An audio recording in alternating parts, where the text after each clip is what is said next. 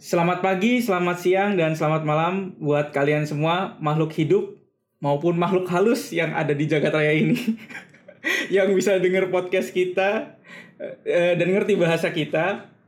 Selamat datang di Outer Circle bersama gue Peter dan as always dua orang podcaster ternama se-Indonesia Raya, Haikal dan Sabrina. Halo.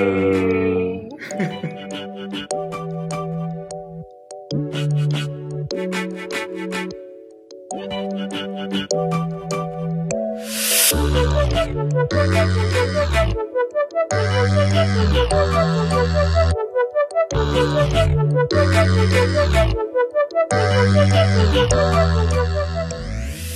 guys, jadi eh, hari ini, wih gue kayak youtubers ya. Oke guys, oke guys. hari ini gue mau ngebawain eh, beberapa berita yang lagi viral nih akhir-akhir ini. Jadi nanti kita mulai dari beritanya yang enteng-enteng dulu lah sampai ke berita yang agak berat, yang lucu-lucu kayak gitu. Nah sebelum sebelum kita masuk ke beritanya nih, gimana nih kabar kalian nih? Kayaknya kita udah kita udah berapa lama ya nggak record ya?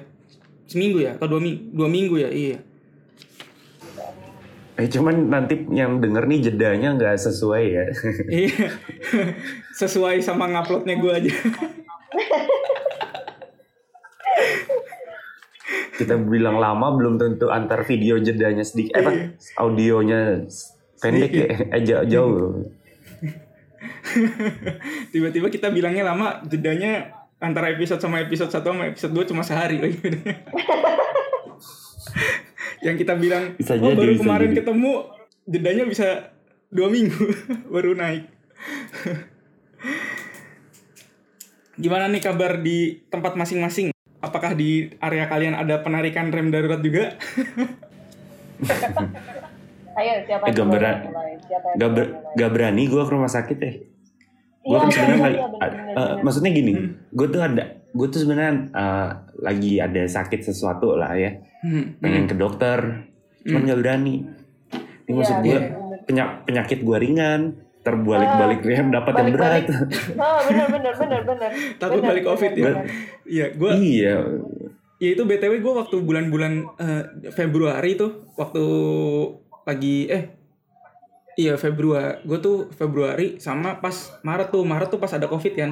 Maret pas Iya pertengahan. Iya. nah itu pas Februari sama Maret tuh gue kena tipes tuh dua kali. Bego banget ya. Kena ti kena tipes selang sebulan doang. Nah tapi yang Maret nih gue agak parah nih. Maksudnya sampai apa namanya eh, Tiap muntah muntah-muntah gitu kan demam gitu kan. Oh. Akhirnya gue ke dokter lah karena ngobatin sendiri nggak sanggup gitu. Gue ke dok ke nggak ke dokter sih ke rumah sakit. Kan di rumah sakit ada dokternya kan. Minta dirawat. Sama dokternya oh mas ini kita apa lagi di ini kan apa namanya lagi dikhususkan eh, penanganannya untuk yang kritis aja sama yang covid katanya. Jadi kalau misalkan kalau misalkan nggak terlalu berat ini bisa pulang gitu. Soalnya kapasitas penuh kan.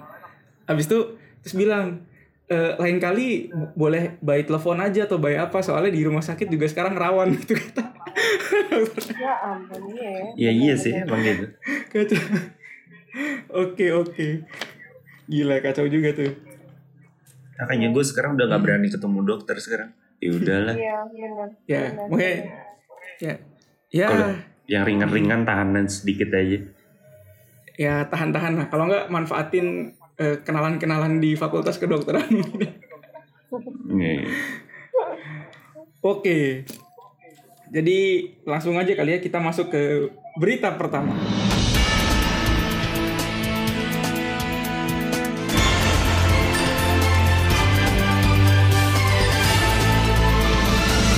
Nah, berita pertama ini datang dari tanah Jawa Barat nih. Asik. Lu tahu nggak Na- namanya Ade Londok nih yang terkenal sama Odading Mang Oleh. Lu tahu nggak? Nggak tahu gue. Saking nggak nggak sa- Oh, saking nggak daging ngikutin berita aja gue. eh, odading mang oleh. Nah, odading ini Apa odading ini kue bantal, tau roti bantal, kue bantal. Oh roti. daging. Ya, kue Oh. bantal itu yang biasa jadi Enak. satu sama pedagang cakwe itu kan. Enak rasanya. Oh Enak. itu ya. Nah, Terus nah itu itulah eh, mungkin kalau misalkan lu pada oh Gimana sih tulisannya? Oh dading. Oh dading mang oleh. Ini ini kalau nggak salah Oh, kemarin dading. kemarin ibuku cerita deh itu lagi viral tuh di Jawa Iya, itu- Barat. Itu, pada iya, cuma viral banget. Tepung tepung dicampur sama baking powder orang kok pada ngantri sampai berjam-jam gitu Nah, bela-belain bikin ini. di rumah sendiri juga bisa gitu ibu kayak gitu. Nah, sih mau. Iya. Nah ini yang bikin viral itu si eh, Pak Ade Londok ini gitu yang bikin viralnya. Kalau kalian mungkin kalau scroll scroll timeline media sosial ya mau di Twitter, mau di Facebook atau Instagram tuh lagi atau meme-meme juga lagi banyak ikan hiu makan tomat lu tau nggak? Terpapar nggak sih? Sosial media sosial media gue nggak ada loh. Cuma gua Gua doang bingung. dong ya. Lu follow siapa sih? gue nggak ada Itu- loh, itu- Sumpah. Itulah berarti gue tuh eh, apa namanya eh, komunitas gue ini apa range-nya agak tebel mulai dari yang borjuis sampai proletar ada semua. iya iya iya. Gak ada loh ini di Instagram gue. di gue masuk terus mana sih ikan hiu makan tomat nah jadi ceritanya gini nih Ikan hiu pak makan ini iya Ade Londok ini eh jadi dia itu bikin vlog ngepromo eh, ngepromoin si odadingnya Mang Oleh ini gitu Hmm. Nah, habis itu promosiinnya tuh ngegas gitu loh pakai kata-kata kasar. Ya, jadi pertama tuh dia promosi ini gini. Udah ding Mang Oleh, rasanya seperti Anda menjadi Iron Man. Asik. habis itu nah ini yang apa namanya? Yang yang seru nih di di pantunnya ini nih. Dia gini. Pertama dia bilang eh, belilah odading Mang Oleh di dia katanya. Kan belilah di sini gitu. Ntar gue langsung ke bahasa Indonesiain aja. Kalau kalau nggak makan odadingnya Mang Oleh, lu nggak gaul sama gua kayak gitu. Kalau nggak gaul sama gua berarti lu bukan temen gua goblok gitu. Habis itu terus dia kasih pantun. Ikan hiu makan tomat. Goblok kalau lu nggak datang ke sini gitu. Pantun. Nyolot sekali ya. Jadi pantun dia Iya, bikin iya, pantun iya. nggak nyambung kan. Habis itu terakhirnya gini. Iya. Odading Mang Oleh rasanya anjing banget. anjing banget. Oh, Nah. oh, kalau yang kalau yang rasanya anjing banget itu aku lihat di videonya siapa ya? Nah, itu akhirnya jadi viral kan? Viral Iya, terus iya, iya, iya, eh. dengan sekejap beberapa youtubers juga yang yang lum, eh, bukan yang terkenal banget ya yang lumayan lah yang paling enggak followersnya Iya, iya, seratus ribuan gitu Iya, sepuluh iya, ribuan Iya, pada iya, datang iya. ke situ akhirnya orang-orang pada ngantri katanya sekarang ngantrinya sampai dua jam di eh, odadingnya itu. Kan dia kan cuma kaki lima gitu kan jualannya ya si Oh, kue iya, bantal iya, sama iya, aku cakwe. lihat- Aku lihat, eh, aku gitu lihat- lihat. sampai dua jam gara-gara Iya, itu. akhirnya tuh hari ini atau kemarin gitu ya dia didatengin sama ini Pak Ridwan Kamil. Kan Ridwan Kamil kan Iya iya. lo ngerti sendiri lah liat dia sosmednya kayak gitu. Ah. didatengin terus dikasih handphone baru. Soalnya handphonenya dia katanya suka ini dikasih handphone baru. Terus sama dia mau dijadiin kayak apa ya buat ngepromosiin kuliner di Jabar. Terus cuma ada pesannya tuh pesannya agak lucu juga. Nanti kalau udah resmi bahasanya dijaga ya pak. Ya gitu Iyalah. itu lucu sih anjing banget. Rasanya anjing banget.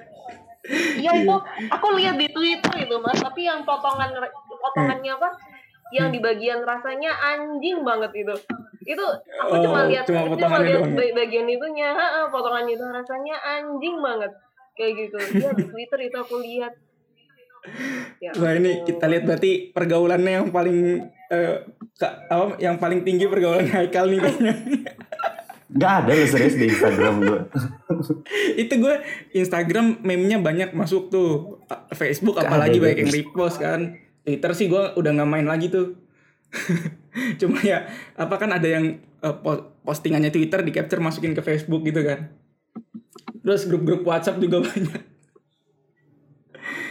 itu Isi Instagram isi Instagram gue gadget-gadget gitu semua. oh, Sama film. terlalu berfaedah bro hidup lu bro Gak ada loh gue gitu. ya itu berita pertama tuh kita eh, berita pertamanya itu cukup menghibur Bentar, bentar kalau dulu. kalau Bentar, bisa bentar. lu sambil lihat deh Poin Hmm. pe- poin yang pengen disampaikan di berita ini apa ya? gue masih belum dapat. berfaedah sekali nih berita ya. Hah? Kenapa? Berfaedah sekali, berfaedah Oh, sa- sekali sangat nih berita. berbeda. Iya, sekarang gila bro media sosial kayak gitu aja. Apa maksudnya eh lu kayak gitu aja nggak jelas. Eh, kan kalau dulu lu lihat youtubers kayak misalkan Reza Arab gitu ya, dia ngumpat-ngumpat dicaci maki netizen. Ini dia ngumpat-ngumpat ke orang laku bro jadi ininya istilahnya sih apa namanya mungkin dagangannya temennya atau apa jadi laku gokil banget sih ini orang nih Ya udah lah, next next. oke nggak nggak kita, bisa komen gua kalau berita ini. kita masuk ke berita kedua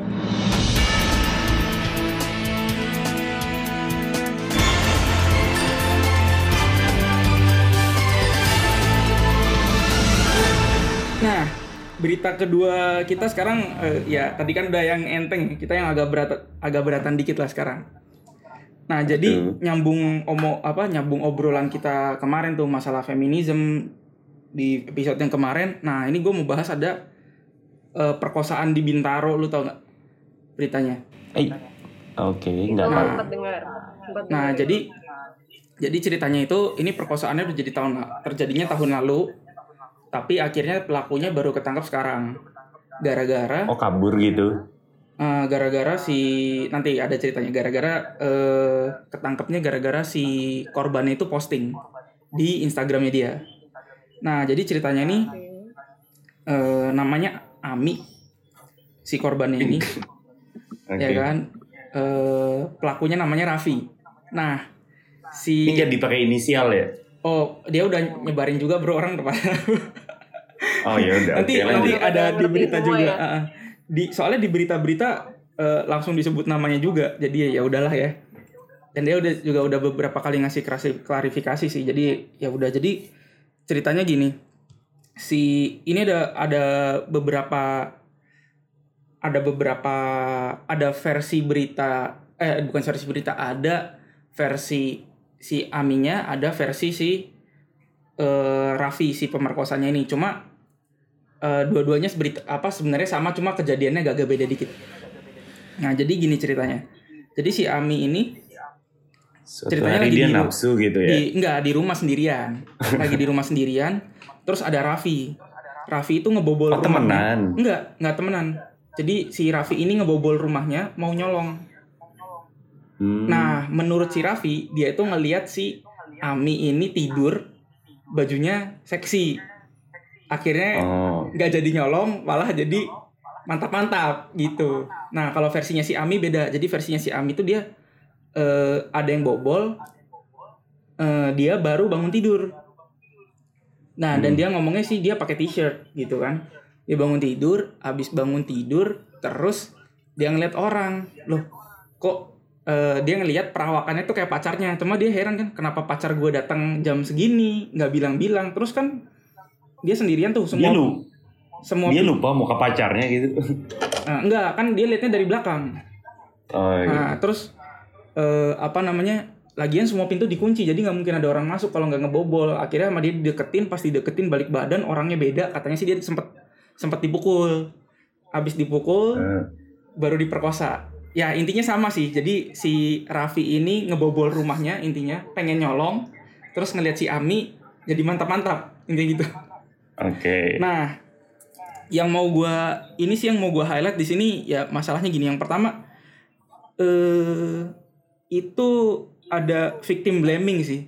Jadi kayak misal eh, victim blaming ini ada beberapa nih, termasuk media yang ngeberitain. Yang pertama gue dapat dari eh, salah satu salah beberapa contohnya, salah satu, salah beberapa. Jadi ada kayak dari ngasih headline beritanya kayak gini. Raffi mendadak nafsu Eh di- medianya kalau bisa nggak usah disebutin lah. Oh medianya nggak usah. Oh, Iya. Ya udah ntar Oke, di sensor lah. nanti. Ah, jadi judulnya gini. Raffi mendadak nafsu lihat korban yang hanya pakai celana dalam. Jadi framingnya tuh kayak seakan-akan gara-gara korbannya celana dalaman doang. Akhirnya nafsu gitu. Bang, Nah. bangsat. Iya iya. Kurang ajar juga nih medianya gitu menurut gua ya. Dia nge-framing kalau ini salahnya Bangsat, korbannya bener. sih sebenarnya lebih ke victim Bangsat blaming.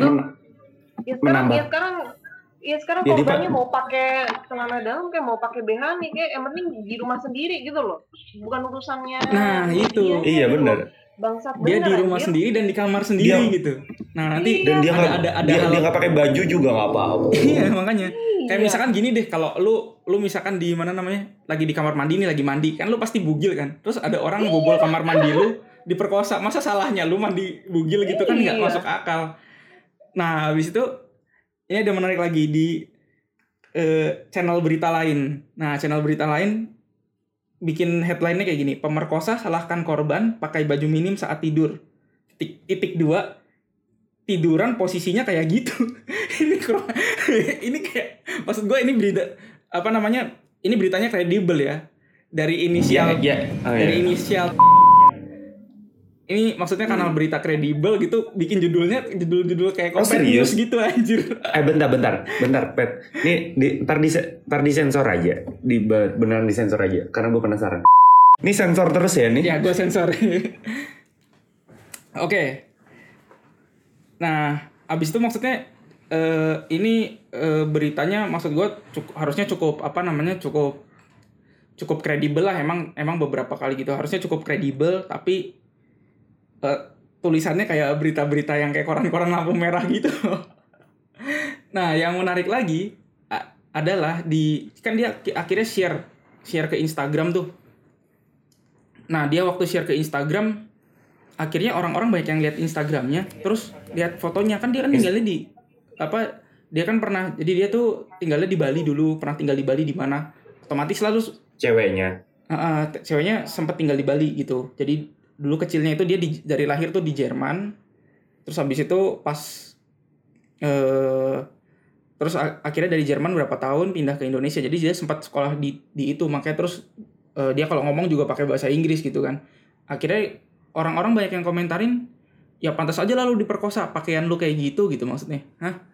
Habis itu Oh. ini apaan sih orang Indonesia ngomongnya sok-sok. Inggris banget. Iya gitu maksudnya. as usual as usual Kayak what? Heeh. What the heck gitu men kayak Iya. kasusnya tuh apa gitu. Terus habis itu Hmm. oh ada nih satu komen gue lihat dari seorang cewek komennya. bentar deh Mas Peter ngeliatin komen satu persatu kayak gitu Iya, gue isi pengangguran banget ya gue. Nah, gue menarik aja. Bentar-bentar. Peter nih netizen Indonesia banget ya. kan gue bilang kemarin kan. Ini jadi gue bentar-bentar. Soalnya gini nih.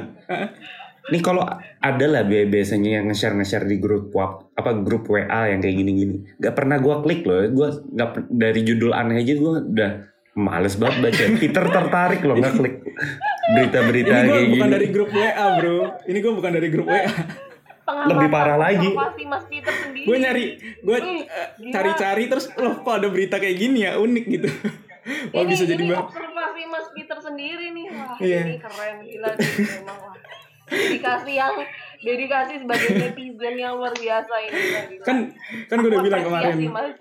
kan gue udah bilang di, di episode episode sebelumnya gue daripada eh, ada head ada berita itu kadang gue baca headline-nya terus gue pengen tahu orang-orang yang berantem gara-gara headline itu kayak gimana gitu loh.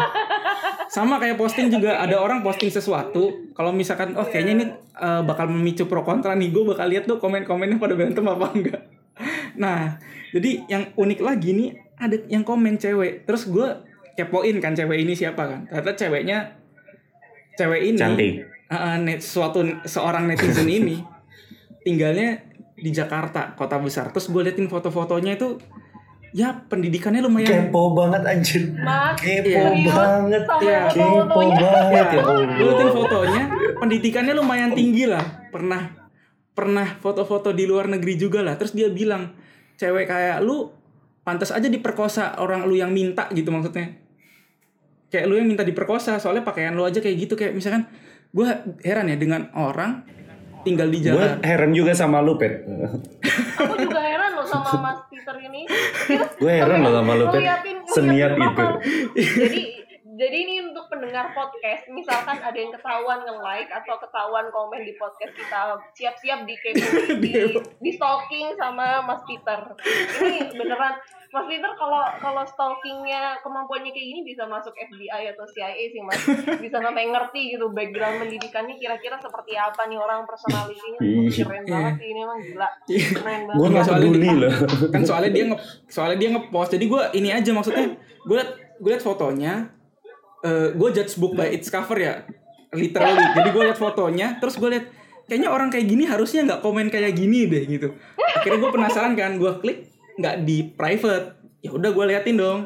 Jadi ada orang tinggal di satu Jadi, kota metropolitan Kayaknya gue tahu. Hmm. Eh, gue tau deh lanjutan ceritanya Peter ini. Akhirnya dia kenalan lalu jadian sekarang. FTV Bentar banget lu. Itu, itu ada kemungkinan itu ada kemungkinan itu fake account nggak? Kayak nah, gue nggak tahu sih foto fotonya. lain gitu. Fotonya lumayan banyak dan konsisten sih dia fotonya gitu. Ya gue nggak tahu lah. Oh gitu. Wah Cuma gila. karena Bisa karena dia fotonya konsisten, gitu. karena dia fotonya Iya. konsisten, gue anggap asli. lah. berarti dia berarti dia berarti dia nge-scroll sampai bawah sab. Iya. Bodoh. Ya ampun, Gue nggak peduli. Ya. sama kamu mas. Gila. Ini ini dedikasinya sebagai netizen yang rempong ini gila. Nih, keren banget emang. Kok bisa ya? Gue Tiba-tiba habis kalau kedengeran sama bos gue dibilang, lu kerjanya ngapain aja bro, pantas nggak beres-beres katanya gitu. Kok bisa ya kepikiran ya? Jadi ya karena gitu kan gue tertarik kan. Biasanya victim blaming kan cowok nih. Nah gue tertarik nih ada Iya. cewek victim blaming dan gue just literally lah just book by its cover harusnya cewek yang penampilannya kayak gini itu nggak ngomong Jadi seperti covernya itu. cantik. Hmm? Covernya cewek. Jadi covernya Disney. cantik. Covernya cantik. Cantik nggak? Cantik nggak? Ya Cantik nggak? lu- lumayan lah. Pokoknya tipe-tipe Ah. anak intelek lah gitu. Ah, Nah, Eh, habis itu berhijab nggak? Berhijab nggak? Berhijab. Nggak, udah nggak, dapat nggak. nomor HP-nya. Enggak enggak. Enggak lah, gue enggak se enggak sekepo itu. Gue lagian males juga anjir kalau pola pikirnya kayak gitu gue temenin. Atau nah, Ya kan itu masih covernya, belum kenal bener. iya udah. Pokoknya gitulah. Nah, intinya gue gue penasaran aja sih. Gak ada intinya ini sebenarnya. men- menurut menurut gue harusnya itu eh, covernya kayak gitu tuh nggak ngomong kayak gini. Jadi gue pengen tahu lebih lanjut kan.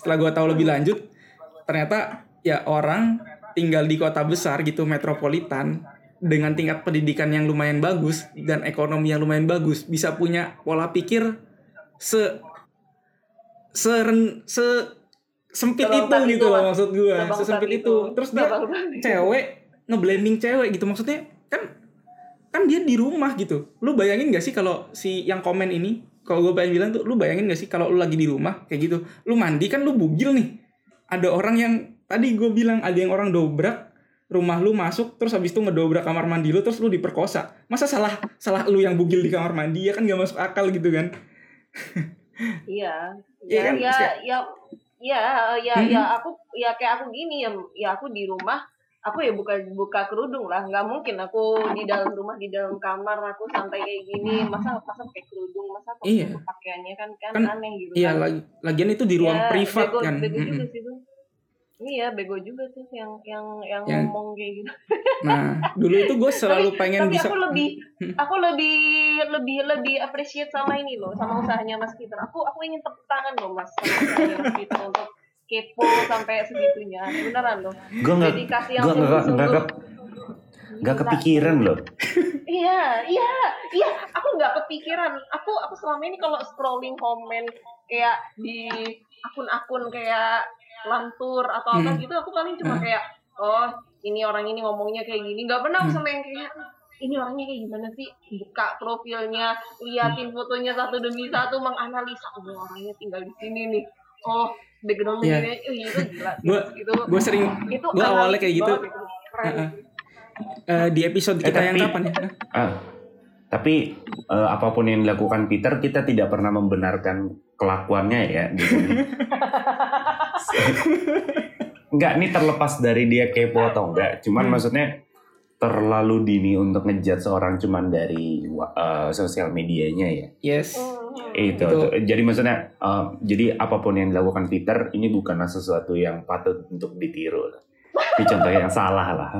itu aja. iya iya cuma itu emang gue waktu di kita episode waktu kita ngobrolin logika filsafat kan gue juga pernah cerita kan kenapa gue bisa sampai tahu Iya, lagi iya. lawan debat gue tuh sekolah sampai S3 di Europe gitu ya karena gue waktu itu dia berpendapat kayak gitu nge-counter gue terus gue penasaran kok eh apa namanya tampilannya bukan tampilan orang-orang yang tidak berpendidikan gitu kan akhirnya gue buka ternyata dia open semua profilnya di LinkedIn-nya juga ada. Kayak gue lu udah sekolah di Europe gitu kan maksudnya. Kenapa pola pikir anda masih seperti ini? Gitu.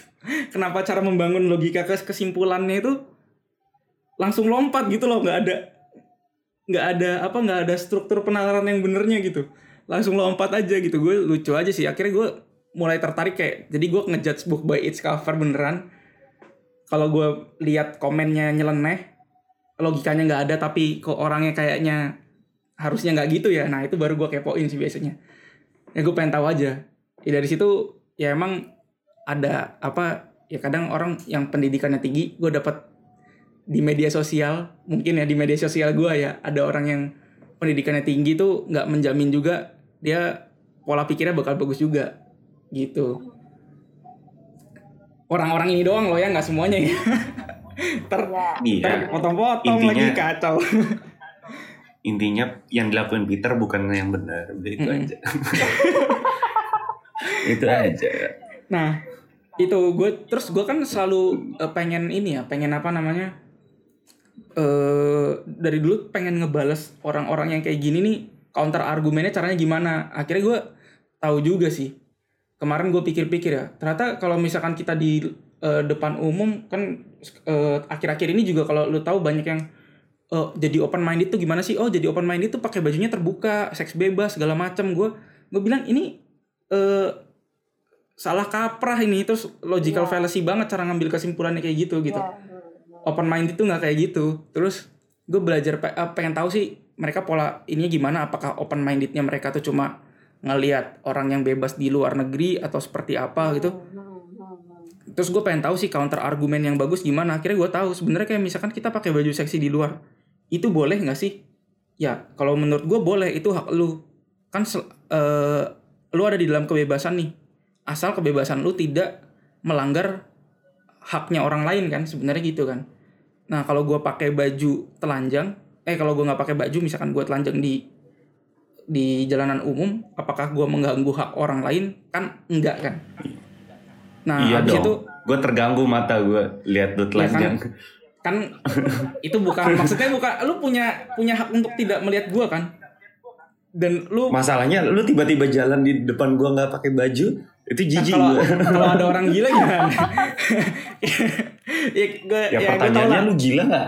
ya gue tahu lah lu plesetan lah cuma eh itu plesetan lu lah gue tahu jadi maksud gue yang se- secara seriusnya tuh eh, kalau gue telanjang di luar pun sebenarnya gue nggak mengganggu hak siapa-siapa loh nggak ada hak orang lain yang gue ganggu gitu maksudnya nah cuma nah mungkin gue akan melanggar norma nah sekarang kita lihat aja norma iya. yang berlaku di masyarakat tersebut apa gitu. Kalau normanya ternyata iya. sanksinya adalah sanksi sosial, ya diberikan sanksi sosial dong, bukan dengan cara diperkosa dong. Nah, gitu. Ya kalau itu itu eh, apa ya? Logik gue yang pertama tuh counter argumen gue pertama. Nah, counter eh, terus yang kedua adalah kan banyak cowok tuh yang nyalahin kan, lu sih pakainya kebuka, kita nggak bisa. Lu sange sange aja nggak apa-apa. Menurut gue itu Iya. normal. Gue juga kalau melihat ada cewek cantik bugil depan gue sange sange aja gitu maksudnya. Lu nafsu nafsu aja boleh. Cuma Iya. eh gue agak terganggu ketika dia bilang ya kalau kayak gitu sih ngundang orang buat memperkosa lah buat menyetubuhi gue bilang eh bentar bro sorry bro. Kalau lu bilang kayak gitu lu baru aja nyamain kita nih manusia kayak binatang dong. Kita nggak nggak punya filter di otak nih. Yang bener mana yang salah mana gitu kan. Jadi gue juga kalau misalkan sebagai cowok terus gue membenarkan itu sih gue menurut gue gue juga tersinggung juga sama pernyataan itu. Terus emang gue sebinatang itu ya anjir kalau kalau sange harus langsung ngewe sama orangnya gitu. Kan nggak juga kan. Ini di filter nggak sih ntar? enggak lah ini ya maksud gue ini nggak nggak berbahaya lah maksud gue Iya, iya. eh, edu edukasi aja lu kalau misalkan kayak gitu lu sama aja merendahkan harkat martabat lu sebagai cowok baru aja lu turunin jadi binatang jantan anjir bener gak sih Iya. Nggak tahu. Eh, tapi Mas Peter udah belum? Mas Peter udah belum? udah udah, Udah udah. sange maksudnya. biasanya Haikal penyelamat kita nih sekarang Iya nih malah Haikal malam ini sedikit berbeda nih kayaknya. Udah, udah, udah mulai nyeleneh ada soal.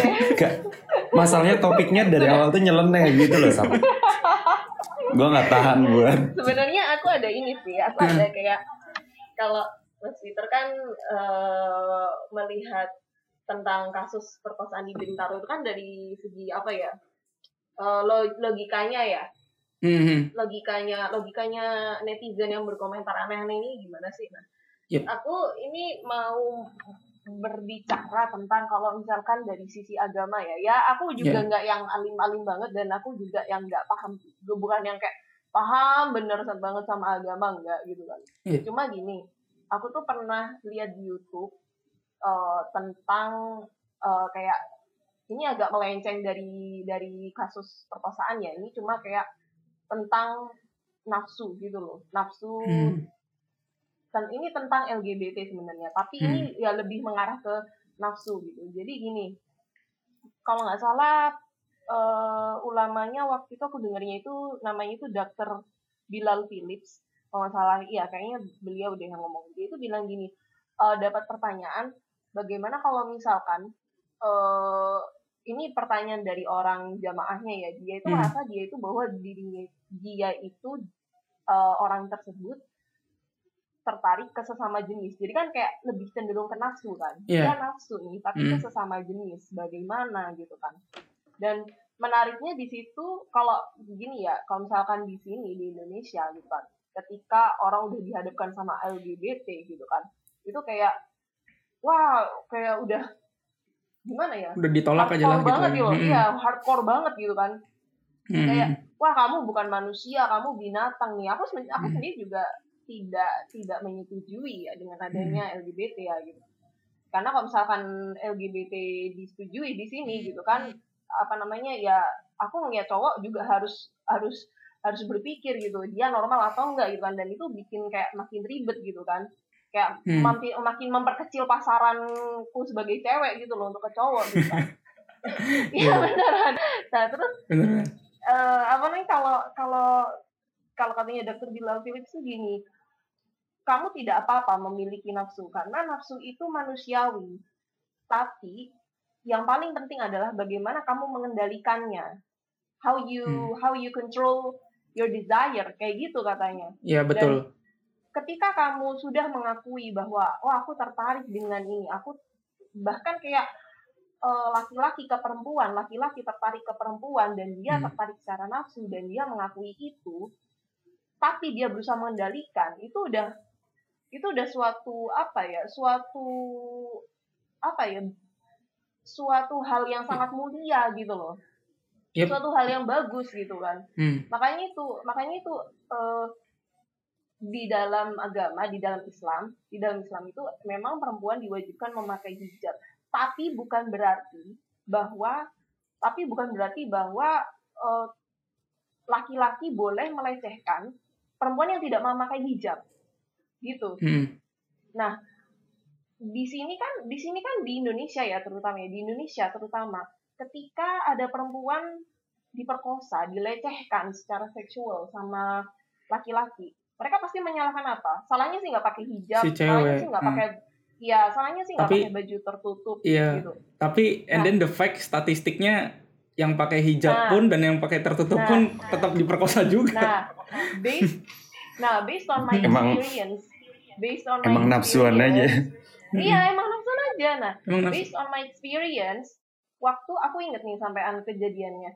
Tanggal waktu itu inget gak? Waktu tahun 2018 Asian Games. Iya aku Asian aku Games lihat itu. pernah lihat Instagramnya Sabrina Nah. tuh. Nah, itu aku tuh hari Sabtu diminta lembur sama bos aku. Waktu itu penutupan waktu itu penutupan Asian Games. Jadi bukan penutupan ya, belum penutupan waktu itu.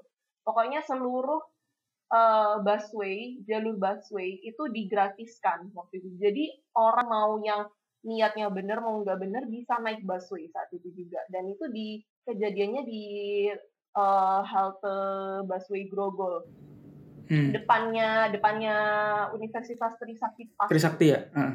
Iya, itu beneran itu itu aku lagi berdiri, aku itu aku sampai ingat aku tuh lagi pakai celana longgar, celana kulot yang yang kamu bahkan tidak bisa me- melihat bentuk badan bentuk kakinya orang itu seperti apa gitu kan.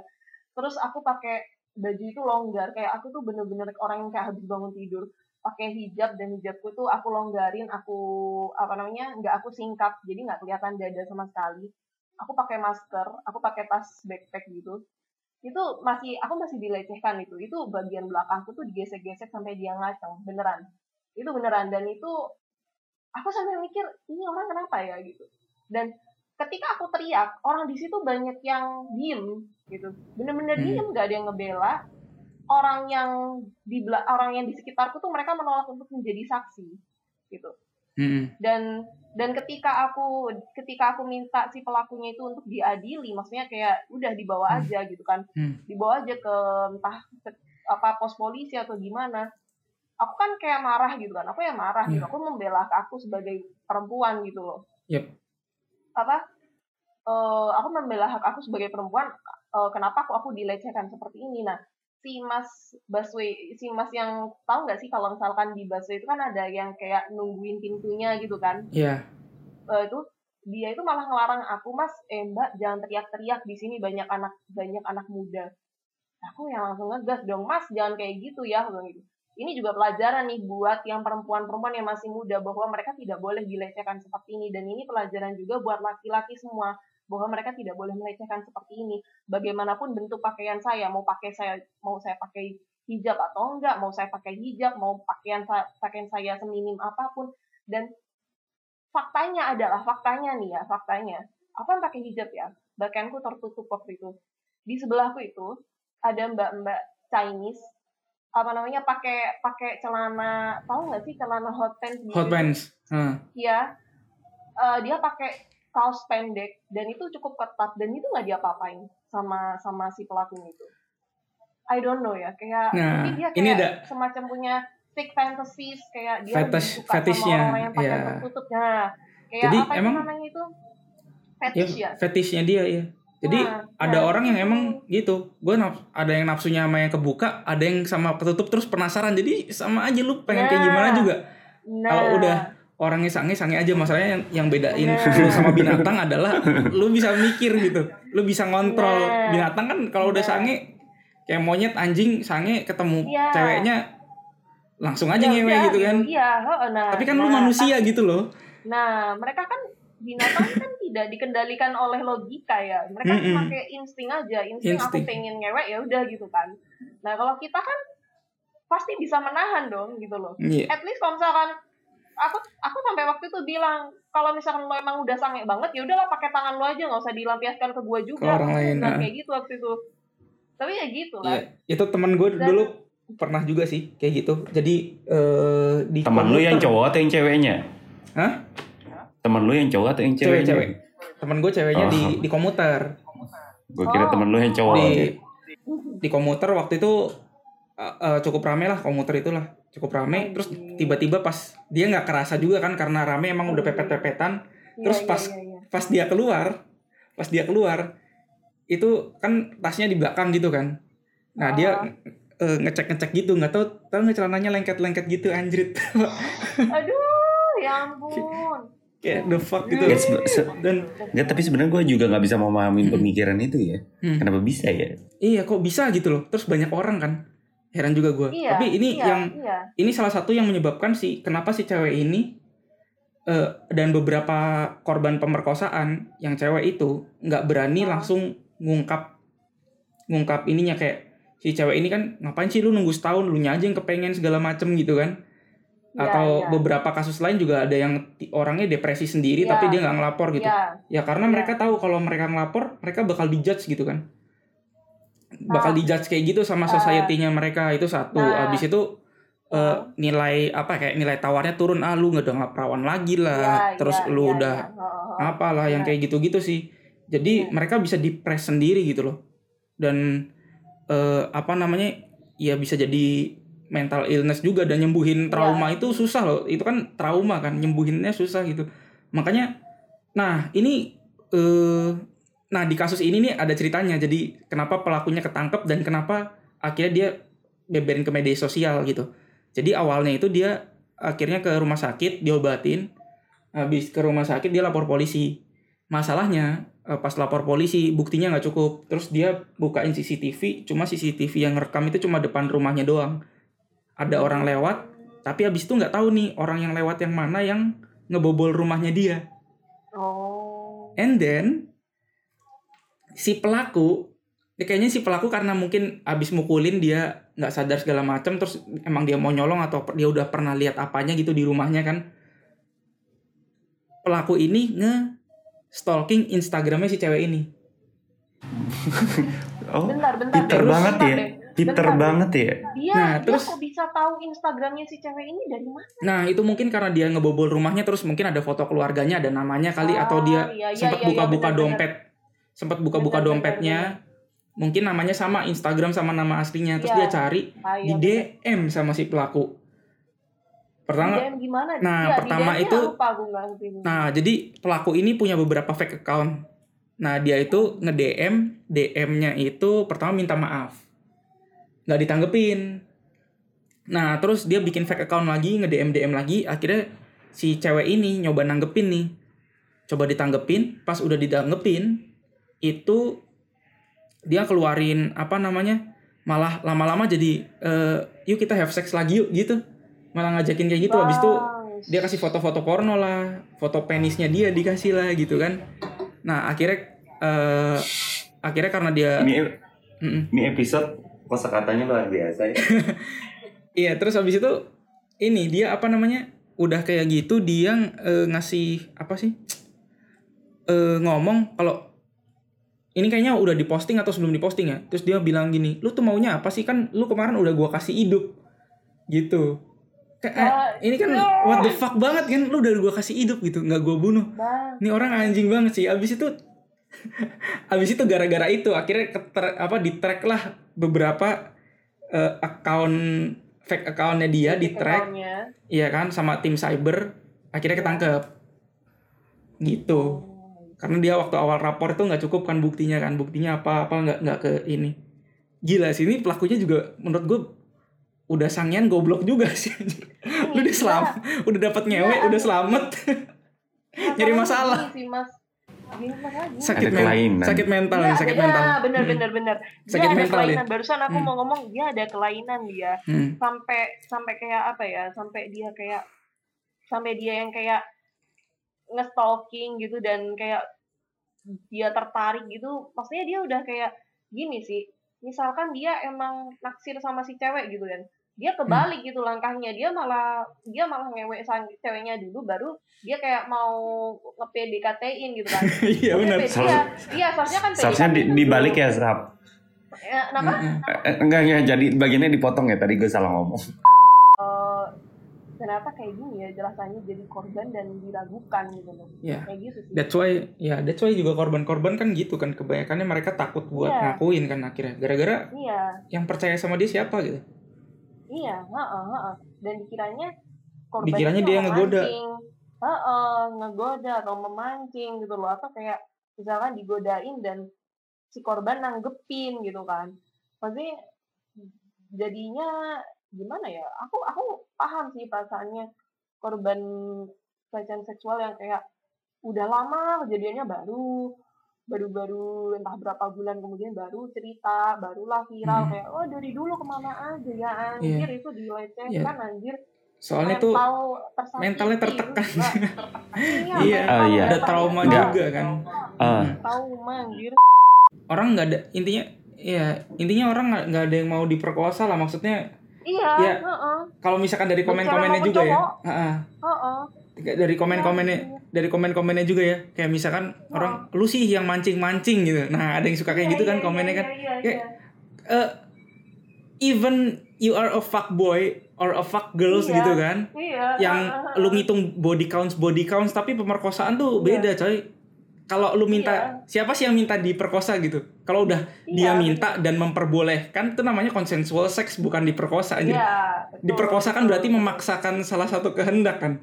Betul betul betul. Dan orang Ah, benar benar. even dia fuck girls atau fuck boy ya kalau dia udah kena kasus pelecehan seksual atau pemerkosaan ya ya itu pemerkosaan. Mereka trauma juga bukan karena mereka Iya. "Wah, mereka sih udah biasa seks bebas gini ya seks bebasnya Iya, tapi iya. konsensual seks gitu sama-sama mau Iya, bukan benar. gua nggak mau Benar. terus dipaksa gitu itu beda Iya. lagi namanya gitu kadang jang, Mm. eh, ja- ja- ini masih out of record kan berarti ya? iya bisa Eh, mau inti- dimasukin bisa ja- eh, jangan jangan nggak usah. kan masih ada cerita Sabrina tadi juga. Iya. Habis itu ya terlepas dari kasus pemerkosaan gue terlepas dari kasus pemerkosaan lah ya Mm-mm. Eh, untuk flirting aja gue termasuk yang risih Apa? Mhm. yang ngomong-ngomong eh, maksudnya cuman dalam dalam maksudnya eh apa ya masih dalam level omongan pun gue dari sisi sebenarnya Apa Hmm. flirting?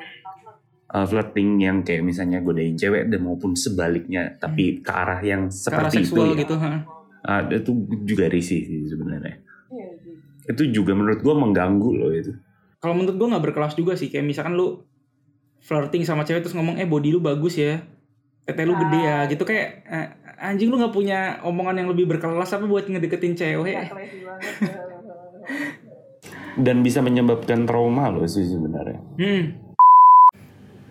Bisa lah. Ada lu tahu Iya kayak nggak kayak kayak nggak habis pikir maksud gue Hmm, kayak misal eh, ingat yang waktu Jonathan Christie menang itu terus buka baju kan Iya. yang iya, rahimnya iya, pada iya, bergetar iya. itu itu itu seksual harassment loh kalau kata gue itu seksual harassment Iya, coy. Coba kalau misalkan dia cewek gitu siapa gitu misalkan kayak si eh, yang rahim hangat itu kan? Eh, eh, yang rahimnya anget lah yang eh, apa ovariumnya bergetar lah apalah. Itu itu kan itu kan itu kan sebenarnya apalagi di medsos tuh udah udah kan jadi di medsosnya si Jonathannya sendiri terus di di berita-berita yang ngepost kayak gitu itu udah seksual harassment loh harusnya. Kayak misalkan lu cowok terus abis itu ih eh, lu seksi banget gue sange nih tit gue ngaceng gitu kan itu seksual harassment kan sebenarnya.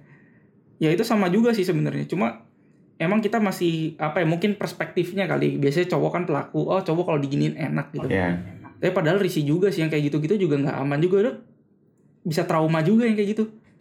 Eh maksud gue tuh gini loh ya kasih first impression yang bagus lah nggak begitu caranya maksud gue Yes, yes, yes. Oke, ini kita bahas apa lagi nih? Oke. jangan sampai part 2 anjir. tolong di Ya, nanti bridging kita gue pisah-pisah partnya aja deh. Oke. Oke, karena udah terlalu banyak sensor, kita masuk ke berita ketiga yang pasti eh, seru juga untuk dibahas.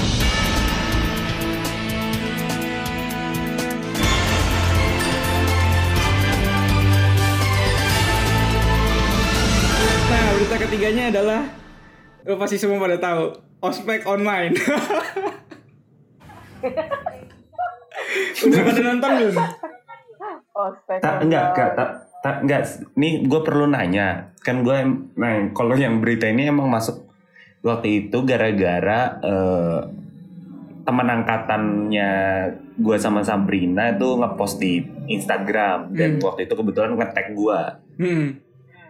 Ya karena waktu itu dia ngetek eh, semua pejabat himpunan pada angkatan angkatan gue lah akhirnya gue masuk waktu itu akhirnya gue lihat emang cuman waktu itu yang gue pertanyakan adalah ini beneran atau lagi ngelawak aja maksudnya emang bikin video Ya, video bikin lagi video- lucu-lucuan aja lucu-lucuan atau gimana gitu. Siapa? Nah, Siapa? nah itu gue nggak tahu Siapa? Apaan? Siapa?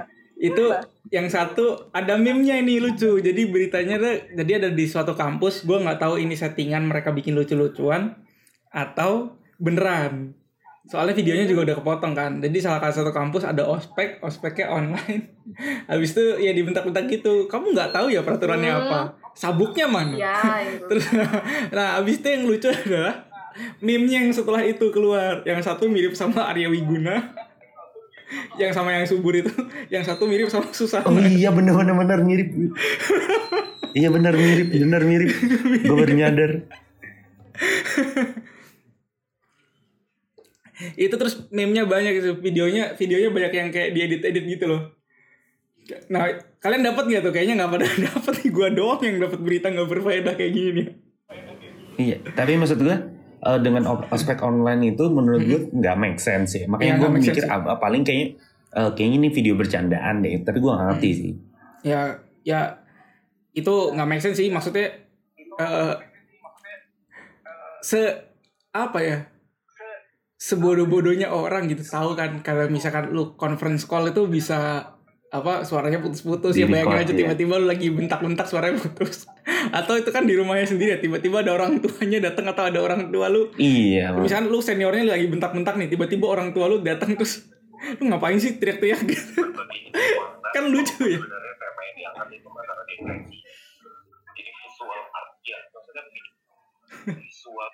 Ini kenapa ada video yang kemarin ya? Kok Eh, ada kenapa ada audio suara yang kemarin? podcast kita yang lama? Oh ini aku lagi lihat Instagram ini, aku mau nge-repost. ini aku mau nge-repost nih. Dedikasiku untuk Outer Circle nih. Waduh, Aku sambil mantap. rekaman podcast sambil nge-post nge-repost yang ini nih. Dedikasiku untuk podcast kita nih. Iya, tapi itu itu ospek eh, apa lucu aja sih ada ospek-ospek online gitu. Maksudnya kalau Masa offline greget sih? Masa Iya, greget sih? nggak ada Ospek kayak gregetnya. gitu? Kalau offline kan ada emang semua kayak gitu kan. Ya di mana-mana lah. Beneran tuh ada ospek ospek online kayak gitu tuh. Ya nggak tahu. Cuma Tapi nggak tahu mungkin- sih kayaknya mungkin ada. bercandaan deh. mungkin ada, mungkin enggak sih gue nggak tahu. Cuma yang lagi viral sih sekarang kalau misalkan di beberapa kampus itu ada yang eh, bikin apa namanya? Dia foto di mana aja terus bikin halo saya mahasiswa baru dari ini loh kayak gitu. Oh, Dia aku dari fakultas iya. ekonomi terus dia bikin bikin editing gambarnya yang bagus gitu. Terus kemarin kampus kita juga sempat bikin apa namanya yang pakai 3D ini yang kayak Minecraft. kan Minecraft kan buat wisuda kan ada lagi dia bikin kayak Minecraft juga cuma buat perkenalan kampus gitu peta satu kampus 3D gitu. Iya itu Oh, Minecraft, itu Minecraft juga ya? Minecraft. Minecraft juga ya? Iya soalnya kotak-kotak Minecraft, juga sih ya. gue liat bentuknya. Itu Minecraft. Ya itu berita. Itu kreatif sih. Ya itu kreatif sih buat apa kayak lu. Cuman gue nggak tahu harga, Hmm? harga Minecraft berapa sih di Steam ya? Gue penasaran. Minecraft. Lanjut aja dulu gue lagi nyari Itu- di Steam. Halo kal? Hilang Ya ya. lanjut aja dulu. Ah, Lanjut lanjut aja. Halo, Haikal. Kedengeran nggak? Putus-putus suaranya. Putus-putus, Haikal. Hmm. Gue pindah gue pindah wifi dulu. Ya tapi itu kreatif lah kayak Minecraft Minecraft kayak itu paling nggak mahasiswa baru yang mungkin dari awal masuk nggak pernah ngerasain kampusnya jadi tahu tuh kayaknya kampus gue kayak apa sih sebenarnya kalau jalan-jalan gitu. itu sempat Iya, pakai ada juga. Minecraft ya. Hah? Pakai Minecraft ya? Apa wisuda kan juga kita pakai Minecraft. Minecraft, Gitu, ah. terus Heeh. ini eh, os bukan ya os sebenarnya ospek in defin in the true definition ya orientasi dan perkenalan kampus ya dia beneran gitu peta kampusnya dibuat 3D habis itu dibikin jalan-jalan jadi tahu tuh kampusnya Iya, dia ada di iya, mana nah kelasnya di mana Heeh, heeh, ya itu kreatif sih nah itu sempat ada juga tuh teman gua punya program kayak gitu. Oh, bukan teman gua sih ada komunitas di Jakarta namanya tuh apa ya? Jadi dia tuh komunitas untuk jalan-jalan. Jadi orang ini nanti kumpul semua di zoom kemudian Oh. mereka eh, jalan-jalan misalkan mau ke mana kota tua. Nanti dijelasin kota tua tuh apa. Di backgroundnya ada gambar-gambarnya gitu sih. Ya mereka Oh. nggak jalan-jalan tapi serasa seperti jalan-jalan. Nanti abis itu dari Jakarta pindah misalkan ke Jogja nanti yang Jogja Ah. siapa yang bawain Iya, iya, iya. Anu sih, Mas, apa namanya? eh sekolahnya ponakanku Mm-mm. kayak gitu sih. Hmm. Eh, sekolahnya ponakanku Cikal itu kayak gitu Hmm. sih. Jadi apa namanya? eh apa tiba-tiba aku tuh dikirimin foto sama kakakku. Ponakanku Hmm. tuh pakai pakai topi, pakai masker, pakai baju olahraganya Cikal gitu beneran. Terus pegang botol minuman sama pa- sama pakai tas gendongan tapi di depan laptop duduk depan. Ngapain ya anak terus katanya itu jalan-jalan ke kebun binatang sama ke mana? gitu loh. Dan itu lewat zoom gitu. Iya beneran. Jadi kayak oh jadi kayak berasa jalan-jalan gitu. Ya iya sih. Iya iya. Itu aku pernah denger itu. Ya itu apa Hmm. sekolahnya ponakanku kayak gitu Hmm. iya sih kreatif sih kayak gitu. Jadi apa namanya orang tetap bisa kayak apa ya refreshing gitu lah ya istilahnya ya. Iya bisa betul. tetap refreshing meskipun di dalam rumah sih kalau ke mana. Iya paling nggak itu mengobati yang tadi gue bilang ada sosial penyakit sosial yang baru. Karena orang adalah makhluk sosial tapi agak Iya. sulit bersosialisasi. Jadi ya ini Iya, salah satu iya. ininya. Plus kalau kayak gitu kan kita bisa langsung kenalannya lebih enak kan sama teman gitu Iya. kalau sekarang kita pengen ah, ah. kenalan kayak misalnya kita mau kenalan sama siapa gitu tapi nggak ketemu kan kayaknya agak gimana gitu kan nah Tapi itu kalau kan di kampus kita Hmm. gimana ya? Kalau di kampus kita gimana ya? ya nggak tahu orangnya baik juga sih Iya, makanya itu ada iya masalahnya kan satu angkatan kan ada 200-an ya. nggak iya mungkin bisa ada 200-an sampai gitu 200. itu satu angkatan satu jurusan belum sama jurusan lain Iya. Kayak gitu tuh kan ya? Eh, Iya jangan. YouTube itu jangan. Jangan disebut merek. Jangan. Nanti di Waduh, Iya, iya, sensornya bener, baik banget ya. Walaupun walaupun orang akan bingung juga sih dengan kosakata itu. Hmm. Padahal ini kita Iya. bahas yang tidak berbahaya tapi sensornya banyak. Iya. Banyak. Bukan bukan cuma sensor, ada satu segmen yang hilang. Satu segmen. Iya, segmen. Ya ampun. Ospek online nih ya. Terus habis Iya. apa lagi mas? Ayo mas. Oke. Keluarkan semuanya. Selanjutnya Julitin berita semuanya, ah berita selanjut berita selanjutnya nih serius semua nih kayaknya nih. Jadi Gimana nih? Gimana? kita masuk ke berita selanjutnya nih berita ke empat.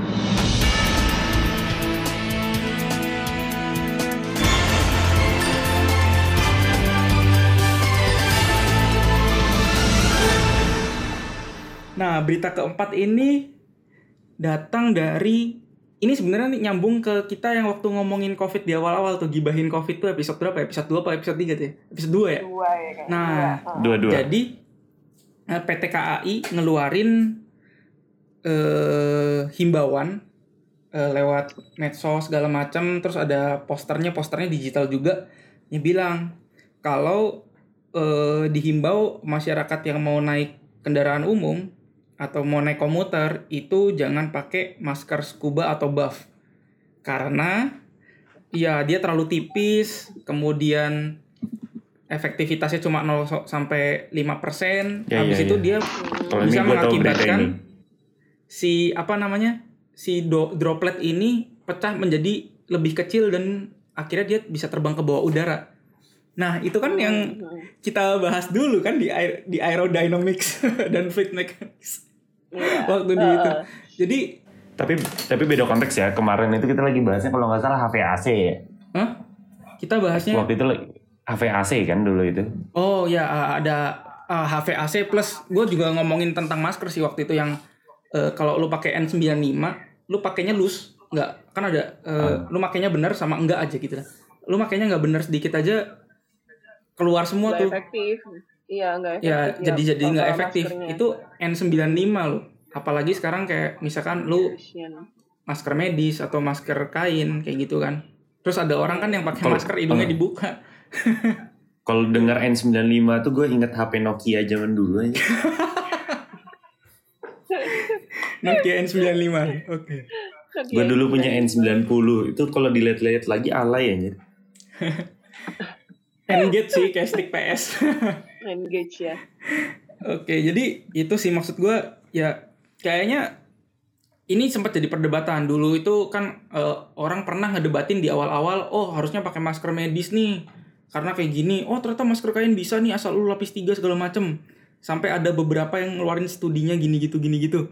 Akhirnya sekarang balik lagi. Kayak gue kenapa yang kita obrolin itu dari dulu sama sekarang sama aja ya? Padahal studinya ahli tuh udah banyak gitu studinya ahli-ahli yang beneran tuh udah banyak gitu. Makanya kenapa yang dipakai itu yang ya gue nggak tahu lah itu siapa. Harusnya akademisi atau akademisi yang ada di pemerintahan yang bikin regulasi itu harusnya memperhatikan ini dari awal sih. Dan ini udah dari awal udah udah mereka keluarin buat buat apa namanya buat mencegah gitu. Cuma ya gitulah. Ini sekali lagi sih emang agak susah juga soalnya kan informasi banyak terus habis itu te- teori konspirasi banyak gitu kan. Nanti gue bakal bahas di belakang lah ada ada ada berita berita ya yang nyerempet nyerempet ke teori konspirasi. Jadi gue sekarang gue nih gini ngelihat orang tuh ada ada beberapa macam orang. Kan teori konspirasi ada banyak ya. Ada konspirasi yang eh menganggap virus ini berbahaya tapi dibuat nih supaya eh, negara tertentu memerangkan perang dagang lah segala macam gitu ada konspirasi yang bilang ini vi- virusnya bohongan nih cuma buat nakut-nakutin doang gitu. Jadi lu tinggal gini aja lu pengen pengen nggak ngapain sih? Kalau misalkan gue pengen nggak pakai masker, teori konspirasi gue yang A. Kalau misalkan gue pengen keluar pergi ke mall ke bioskop, teori konspirasi gue yang B gitu. Kayak lu pilih pilih teori yang lu mau aja. Eh gue langsung lanjut aja ke berita selanjutnya nih. Kayak nah di berita selanjutnya ini di berita kelima berarti ya.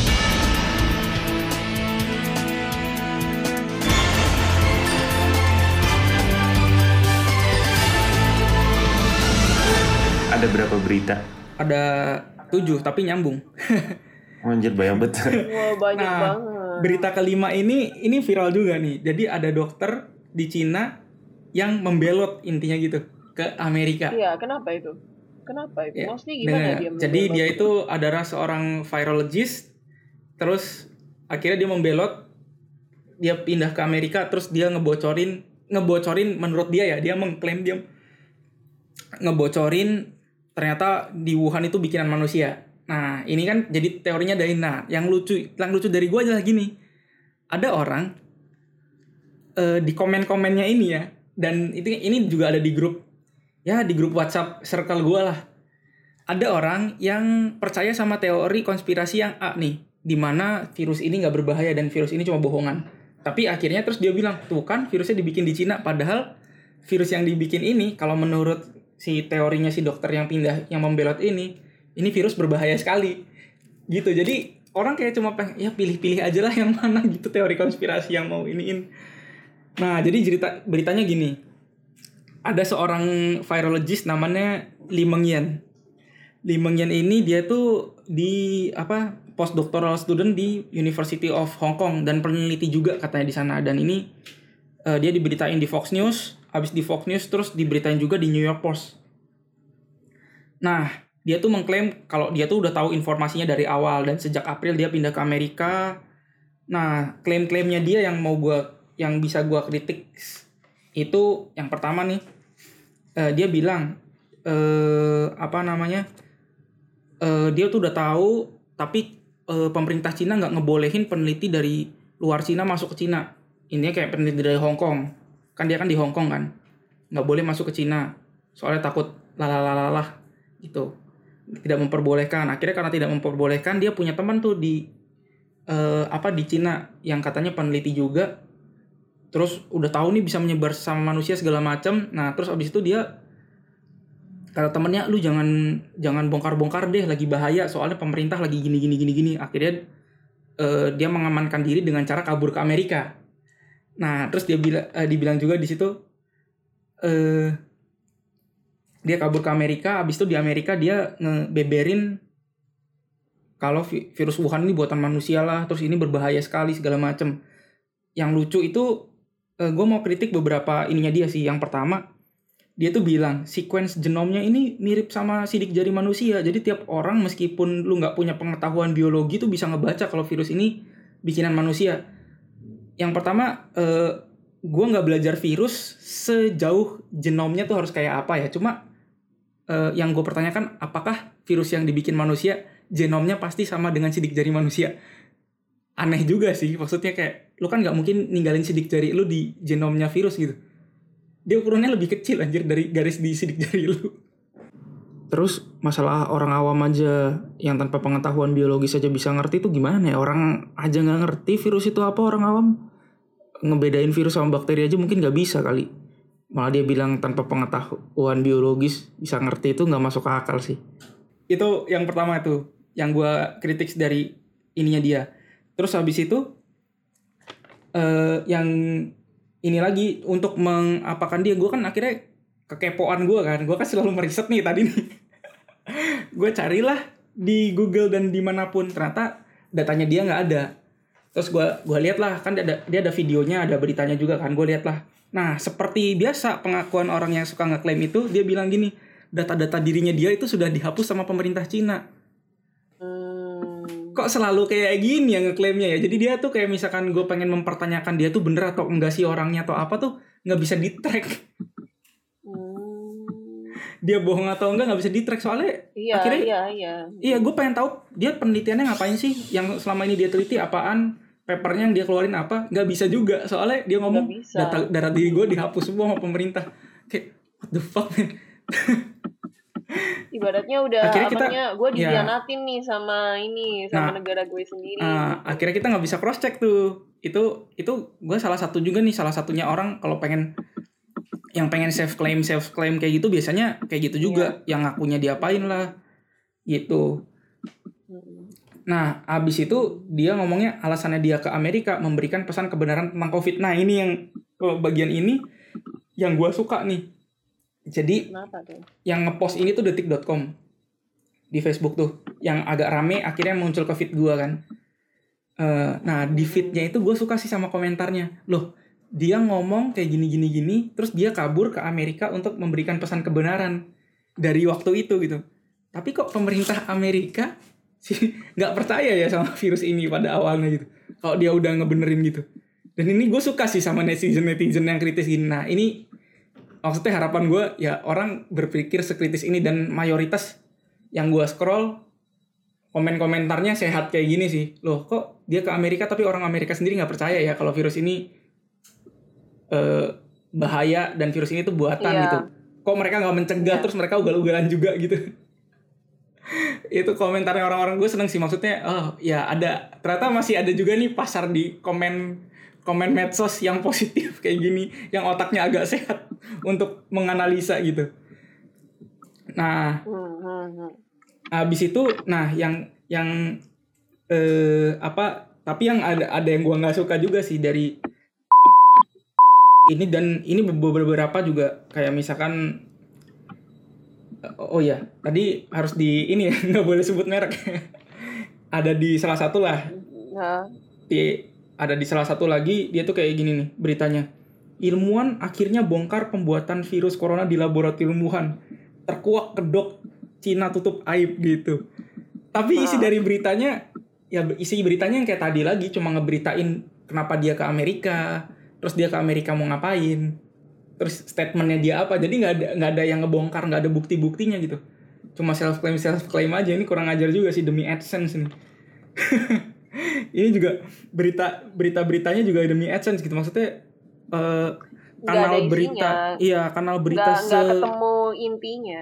betul kanal berita se apa ya se Bagus sebonafit ini gitu. Maksudnya kok Hmm. memberitakan sesuatu yang demi adsense doang gitu loh orang mas Iya. iya. padahal nggak jelas gitu. Kan dia kayak tau lah kan di kanal-kanal berita itu kalau yang online lu kan pasti sering lihat iklan kan. Itu kan mereka dapat adsense kalau trafiknya tambah gede. Itu agak kurang ajar juga sih sama jurnalistiknya ini. Jurnalistik kita akhir-akhir ini. Nah tapi, jadi tap- hmm, tapi ada beberapa Gimana? juga. Jadi jadi jadi artikel lengkapnya itu sebenarnya mereka mengklarifikasi juga nih kanal berita ini. Jadi dia itu ngomong jadi dari hmm, dari University of Hong Kong itu udah ngomong juga kalau membantah kalau membantah pernyataannya si Meng Yan ini kalau dia tuh pernah nyuruh dia neliti eh, virus SARS yang baru kan ini kan SARS-CoV-2 kan COVID kan nama iya. penyakitnya hmm. Habis itu dia juga udah keluar dari kampus. Terus habis itu eh apa namanya? Ada lagi itu, nah ada kata-kata gini nih. Ini yang buat gua kesel sama jurnalisnya sih. Meng Yen tampaknya membuat kontak, tampaknya membuat kontak lu kok, lu berita bukan sih anjir. Dia kayak maksudnya kayak dia itu tidak pasti. Iya, tampaknya Gitu membuat kan. kontak dengan beberapa pihak Kayak untuk menjaga tampaknya itu kan tampaknya itu kan kayak sama dengan sinonim dari mungkin gitu ya. Iya, gitu kan maksudnya Hmm. lu kan kanal berita bonafit gitu maksudnya kok bikin redaksi kayak gini gitu kan yang lu sendiri juga nggak yakin tampak bukan omongan Ah, orangnya Iya, iya. nggak ada nggak ada Iya. sumbernya terus kayak berasumsi sendiri Iya, nih tentang tuh Berasumsi sendiri. Ah, Iya. ah. Hmm. yang gua paling kesel lagi di penutupnya penutupnya adalah apakah Mengian akan benar-benar mengungkap buktinya atau hanya propaganda untuk menjatuhkan Cina semua orang menunggu kelanjutannya Itu kayak itu kayak ini loh, Mas. Itu kayak ini loh, Mas. Kayak apa namanya? Kayak kayak nonton series gitu loh. Iya. Nonton series kayak to be continued kayak gitu. Iya.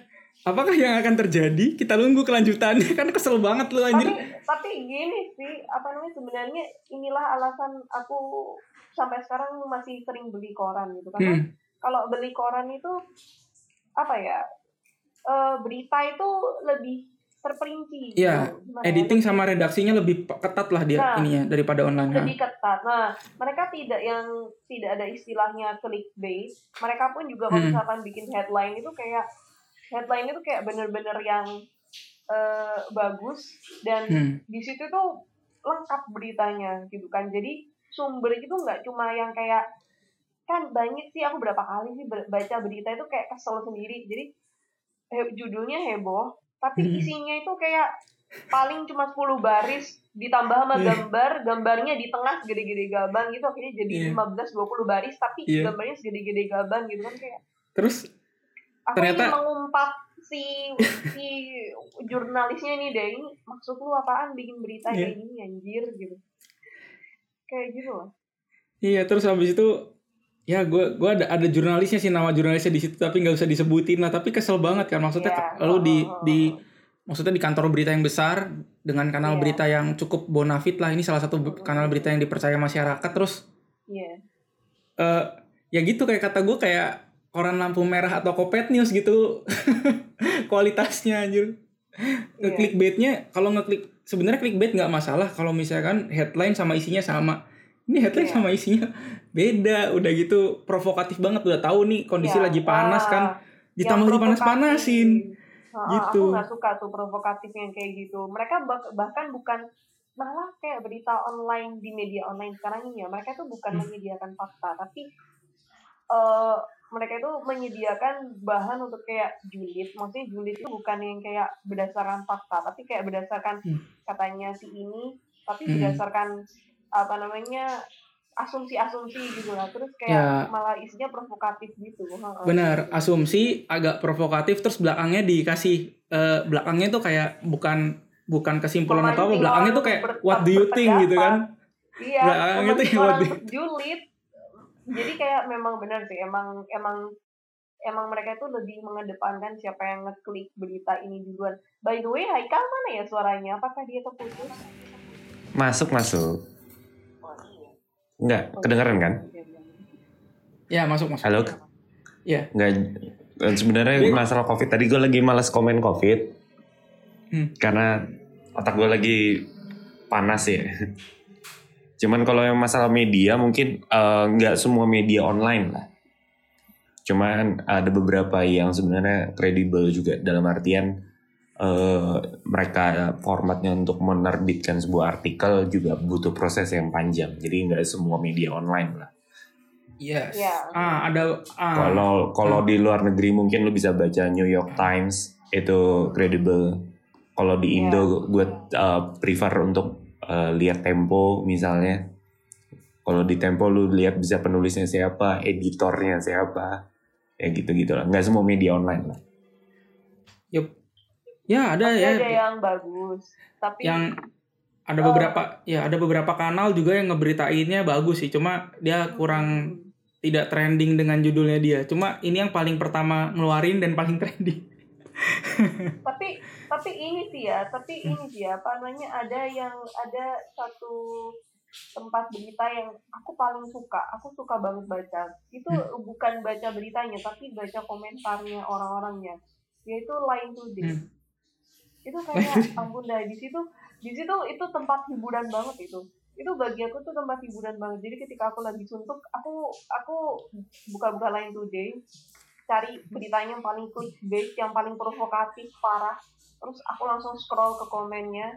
Terus apa nih aku bacain satu persatu. Tapi sekarang aku udah nggak pernah buka lagi sih karena aku udah nggak ada line line ku udah aku aku hapus sih aplikasinya. Hmm. tapi ya gitu dulu dulu masih ada aku suka banget aku ngeliatin komentar-komentarnya netizen yang satunya sok pinter satunya yang sok ngerti satunya yang ah Hmm. bermacam-macam lah lucu banget emang netizen itu oke kita langsung lanjut aja ke berita selanjutnya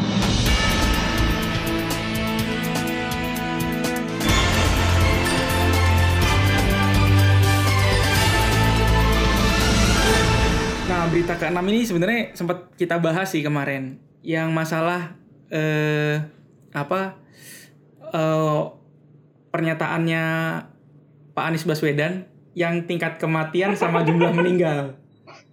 Nah, ini ini gue nggak mau nggak mau bahas ininya. Jadi pertama kali gue juga aja pertama kali gue eh terpapar berita ini tuh dari kata kita di Facebook. Nah, terus dia ngomong, wah ini oh, ngomong doang nih bedanya meninggal sama apa gitu ya. Bedanya meninggal sama mati itu apa sih? Sampai gue scroll ke bawah komentarnya tidak sehat juga. Wah ini cuma mainan kata doang lah, tata kata doang lah, segala macam lah. Meninggal sama mati bedanya apa sih yang kayak gitu? Ini goblok banget pernyataannya segala macam. Sampai ke beberapa circle gue juga bilang kayak gitu yang gue anggap eh, circle gue ini cukup terdidik lah dan cukup pintar di matematika gitu ya. Nah sampai akhirnya gue tergelitik gini. Kan komentarnya eh, apa eh, pernyataannya statementnya Pak Anies gini. Tingkat kematian itu menurun tapi jumlah orang yang meninggal meningkat. Gitu statementnya. Nah, aku eh ya aku nggak bakal bahas masalah eh, berguna nggak statement seperti ini atau kayak gimana ya. Gue bahas argumennya aja.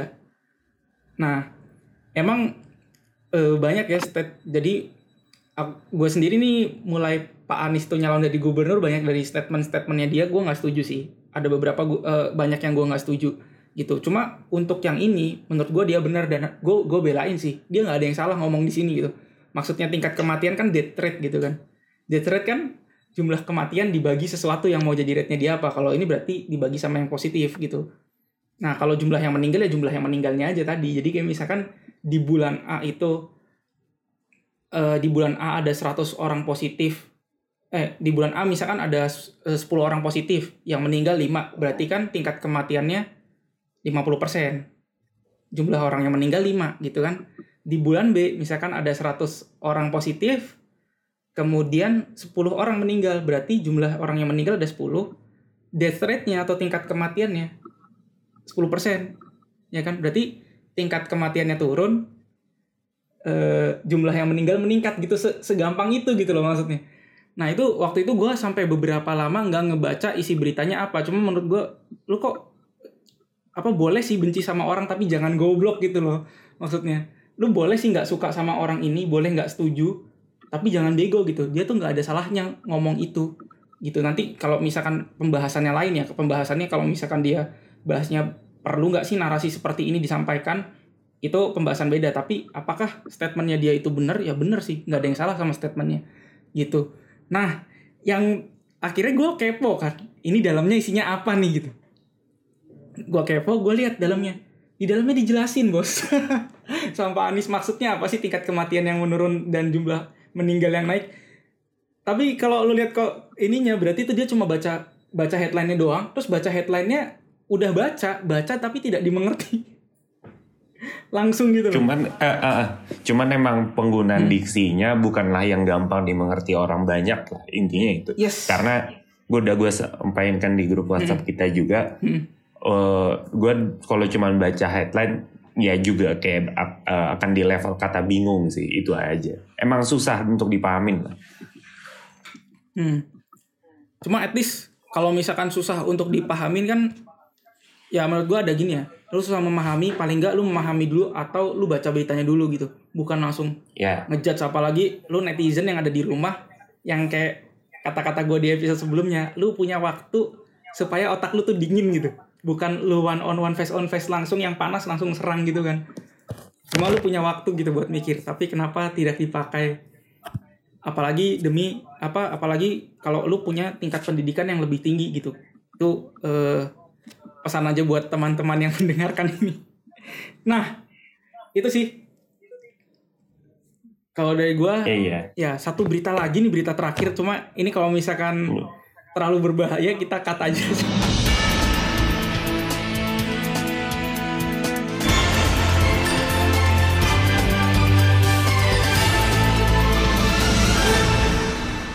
Apa sih? Jadi berita terakhir ini adalah tentang sindir-sindiran.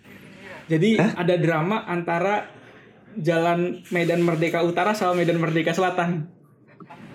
Apa sih? Gue nggak tahu. Iya, ini. aku tahu sempat ya? dengar, tapi aku nggak tahu. Oh nggak tahu. Eh, Jadi Medan Medan. Merdeka Utama, oh, Medan Merdeka Utara itu kantornya Pak Presiden dan menteri-menteri lah, head office-nya. Gitu. Medan Merdeka Selatan itu head office-nya gubernur.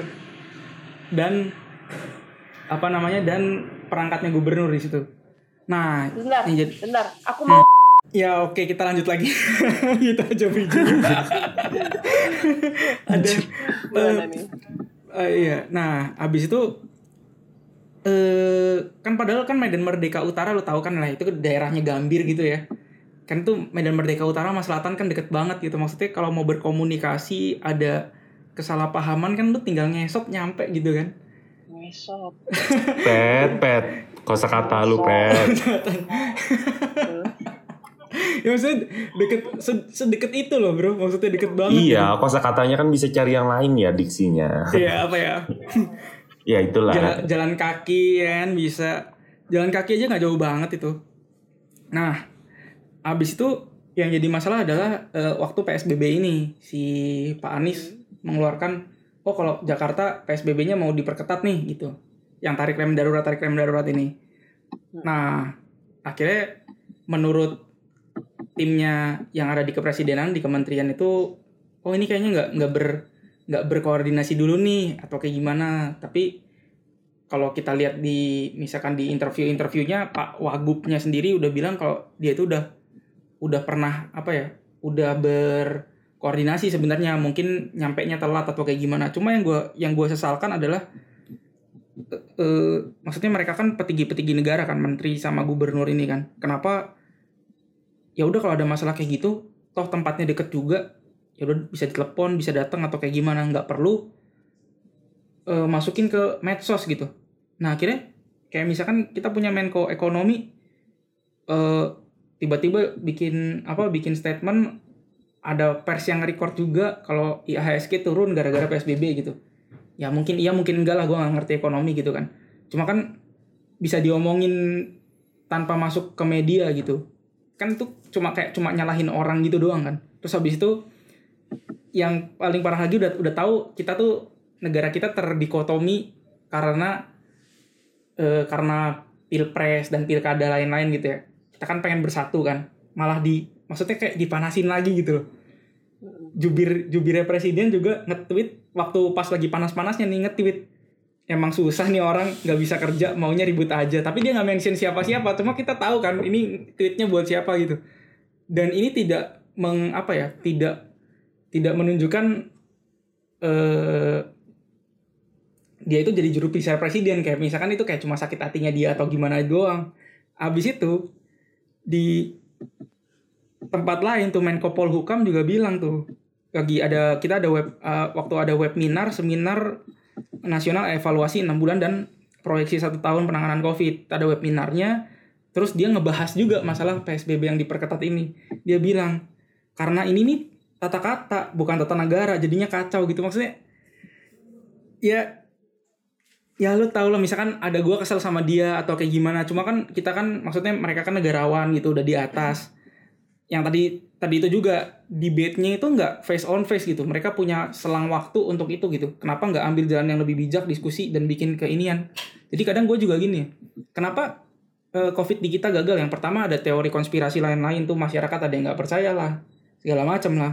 Habis itu eh, misalkan si A nih keluarin kebijakan kebijakannya A dan menurut kita kebijakan A itu misalkan udah baik harusnya didukung tapi ada ada orang-orang lain dengan agenda politik tertentu akhirnya kayak oh A itu salah nih gini gitu. Jadi kayak buat buat cari panggung gitu bukan buat menangani ini bersama gitu. Itu yang gua yang gua seselin sih berita-berita macam ini. Akhirnya orang juga jadinya jadi terpecah juga. Terus ada yang bodoh amat ya udah gua keluar keluar aja. Yang satu eh, udah menjaga dirinya akhirnya ya tidak terselesaikan dengan baik. Orang eh, negarawannya dia tidak mencontohkan persatuan gitu ya ini kalau misalkan Iya, iya. ya kalau misalkan terlalu berbahaya bisa sih Tapi menurut gue nggak berbahaya sih cuma Biasa aja sih. Heeh. cuma menurut gue ya kayak gini nggak bijak lah maksudnya eh, pertama ini bukan debate yang face on face habis itu ini kebijakan yang tentang orang banyak gitu ya lebih bijak seenggaknya lah bapak-bapak yang di atas sana kalau bisa sih berkolaborasi lah lebih baik gitu nah itu berita terakhir sebenarnya gue punya satu berita lagi yang lagi ini yang lagi in itu yang kasus mutilasi lo tau nggak di Kalibata City Apa? kasus mutilasi Nggak tahu. nah jadi gini ada Berita YouTube lu aneh-aneh semuanya. Iya. nah satu lagi nih kasus mutilasi jadi mutilasinya ini itu di pasar rebo kalau nggak salah nah habis itu dia tuh ini youtubers youtubers yang dia itu isi YouTube-nya tentang eh, sekolah dan kehidupan mahasiswa di Jepang. Jadi dia tuh sekolah di di Tokyo gue nggak lupa kampusnya apa. Sekolah di Tokyo nah terus dia kasih tau lah dormnya tuh gimana living in Tokyo tuh gimana belajarnya di eh, belajar di universitas di Jepang tuh kayak gimana. Nah terus dia pulang. Pulang kenalan sama orang di Tinder. Kenalan sama orang di Tinder terus akhirnya ke apartemen tuh. Nyampe ke apartemennya.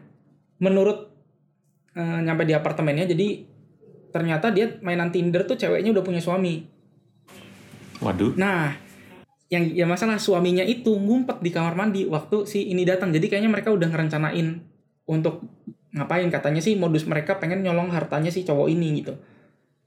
Nah, setelah itu menurut si pelaku karena korbannya udah nggak udah dimutilasi kan menurut si pelaku tuh eh, korbannya disuruh mantap-mantap dulu sama dia sama si ceweknya terus nanti suaminya keluar dari kamar mandi Nah, sama suaminya terus dipukul kepalanya pakai bata. Habis dipukul kepalanya terus perutnya ditusuk. Meninggal kan? Nah, meninggal terus dia tuh sewa, sewa. Jadi di, ini kejadiannya tanggal 9. Nah, dia tuh sewa apartemen tuh dari tanggal 7 sampai tanggal 12. Nah, yang gue lucu ini gobloknya gini loh. Mereka kan meng apa ya? Me, merencanakan melakukan perampokan dan pembunuhan berencana gitu kan. Cuma dan udah nge-booking apartemen segitu lamanya gitu dari tanggal 7 sampai tanggal 12. Tapi mereka tidak merencanakan apa-apa Maksudnya nggak merencanakan Iya, apa-apa. iya, iya. karena dia udah tusuk-tusuk segala macem, darahnya ke mana-mana kan, terus mereka bingung gitu loh, bingung. Oh, si terus si iya, iya, cowoknya, iya, iya. si cowoknya "Eh, ini kita gimana ya supaya ini akhirnya dia eh, jadi dari situ dia beli cat, beli apa loh. jadi cat ulang, spraynya digantiin gitu. Abis itu kan wah ini mayat nih ngebawanya susah kan. Dimutilasi lah jadi 11 potong gitu. Dimasukin ke tas gitu. Gokil gak sih orang ini? Abis itu dibawalah ke Kalibata City. Nah, terus kan keluarganya si keluarganya si YouTubers ini kan eh, khawatir ya, kira lapor polisi. Nah, akhirnya ketahuan juga. Cuma hebatnya apa? Ini orang udah dimutilasi, lu udah nggak tahu apa-apa, tapi dia masih bisa ngambil seluruh isi ATM-nya si eh, YouTubers ini. Itu gokilnya sih. Itu Cuma, siapa itu namanya? namanya Ren Ren siapa ya? Gue lupa namanya. Nah, coba. Bentar aku lihat dulu Ya. di YouTube. Makin lama uh, beritanya makin serius ya otak gua tambah takut. Mut- mutilasi. Baru ba- aku aku bahkan mau itu mau apa namanya mau mau apa ngobrolin tentang itu loh. Hmm. Siapa itu namanya itu yang itu loh. eh Hmm. kebakaran di itu loh. Apa? Kebakaran gedung itu loh. Oh, apa ini ya kejaksaan ya? Ya, ya, ya, ya, ya, ya, ya itu. eh. Hmm. Itu katanya ada yang bilang ternyata itu bukan da- dari konslet korsleting listrik tapi ada yang nyalakan api. Ada yang nyalain memang api. sengaja. Aduh, itu itu itu makin seru itu. Itu makin greget itu. Aku tiap lihat berita itu makin greget itu. Itu makin ih gitu. Iya, aku, gue gue no comment lah itu ada ahli forensik material Iya, yang iya, bisa. iya, iya. Tapi itu ahli kayaknya forensik terlalu material berat sama- itu. Itu itu bakal lebih itu bakal Iya. lebih ribet lagi sih kalau dibahas gitu. Ya itu kan sebenarnya kayak ini ya, ada ada dugaan, tapi dugaannya itu yang ini eh, yang viral duluan, belum ada buktinya gitu. Ya sama kayak covid ini, apa eh, dugaannya Apanya muncul, yang nggak ada bukti? iya dugaannya muncul duluan, cuma belum ada studinya gitu. Terus orang-orang udah kayak ini sama dugaannya gitu kan gimana kan kayak ini diduga oh diduga ada yang nyalain api nih cuma kan belum terbukti nih belum terbukti terus bukti-buktinya belum jelas masih baru kayak asumsi atau hipotesis tapi udah udah kayak jadi fakta gitu Ini katanya anu Mas, manajer HRD katanya yang anu itu ya, yang dibunuh itu ya. eh wah gua nggak tahu ininya cuma dia youtubers yang jelas Tuh gitu. Mm-mm. RHW. RHW bentar. RHW. Iya Ren Ren siapa gitu namanya Ini. Rinaldi ya Rinaldi. Cuma lucu juga sih maksudnya eh, mereka yang gua yang gua lucu dari kasus ini adalah eh, mereka udah merencanakan suatu pembunuhan nih. Terus mereka udah bisa melakukan hal yang yang agak susah. Lalu ngebobol ATM orang tanpa tahu eh, ngebobol tabungan orang lewat ATM tanpa tahu gue nggak tahu dia dapat password atau pinnya dari mana ya. Ya mereka bisa ngambil duitnya gitu tapi eh, mereka ngerencanain pembunuhan yang tapi nggak ada rencana matangnya dulu gitu lucu banget aja sih abis itu orangnya dibunuh di apa di apa namanya dimutilasi terus baru nyari cat nyari spray baru karena orang-orang ini ya orang-orang ini nggak masuk akal kadang-kadang ya Itu apa bego maksudnya sih itu. Itu bego sih. ya itu. terus Itu yang bego. lucu juga yang lucu juga gitu. si youtubers ini maksudnya ini kan lagi covid gitu juga kan maksudnya berani juga ya dia maksudnya kenalan di tinder terus ketemuan di apartemen orang sih gokil sih Oh ya kalau udah kebelet gimana lagi mas? Kebelet tau gak? Ke- ke- Kebelet pipis. kebelet BAB. Astagfirullah. Ini udah makin malam, Sabrina makin halu ini. Sorry, sorry, sorry. Makin sorry, sorry. makin malam yang gue makin yang gue pik yang yang gue pikirin tuh cuma satu ntar Peter ini ngeditnya bingung ya itu daripada semakin ini banyak banget loh yang dipotong dari tadi sudahi saja perjumpaan kita eh apa sih podcast kita kali ini udah tutup tutup tutup Hmm? Iya iya gue tutup. Ya jadi Yaudah, buat teman-teman pendengar sekalian mudah-mudahan obrolan kita ada manfaatnya dari odading odading tadi itu yang paling keren sih berita odading sih. Mudah-mudahan dari odading tadi. anjing banget. Ya mungkin buat buat teman-teman yang eh, di bisnis ya yang bagian-bagian digital marketing atau apa gitu kan yang susah nyari KOL tuh. Jangan-jangan zaman sekarang KOL yang bagus tuh kayak bapak ini digoblok-goblokin. Hmm, hmm. Rasanya enak banget anjing gitu. Betul, betul, betul, betul. Rasanya Oke. anjing banget. Anjing banget rasanya. Ya udah, daripada kita tambah ngelantur dan tambah mengeluarkan kata-kata yang tidak seronok. yang tidak seharusnya kita keluarkan. Lebih baik kita sudahi dulu. Jadi buat teman-teman sekali lagi yang misalkan mau komen, misalkan nggak setuju atau apa bisa atau menyampaikan saran dan kritik ke kritik yang benar yang bangun ya jangan eh, asal kritik aja ntar gue juga gue dan teman-teman ini juga bingung nih maunya ke mana kalau asal kritik doang Nah, nanti eh, buat perkembangan podcast kita ini ya bisa DM kita di Instagram at outercircle.podcast Terus kalau mau gabung ngobrol-ngobrol bareng, ikut ngelantur ngalor ngidul bareng kita juga bisa tinggal DM kita aja di outercircle.podcast Sampai jumpa di episode selanjutnya. Didengerin ya. kalau nggak Iya, didengerin, iya. lu bukan teman-teman gua goblok gitu. Paksa gitu. podcast ini sangat bermanfaat anjing. tutup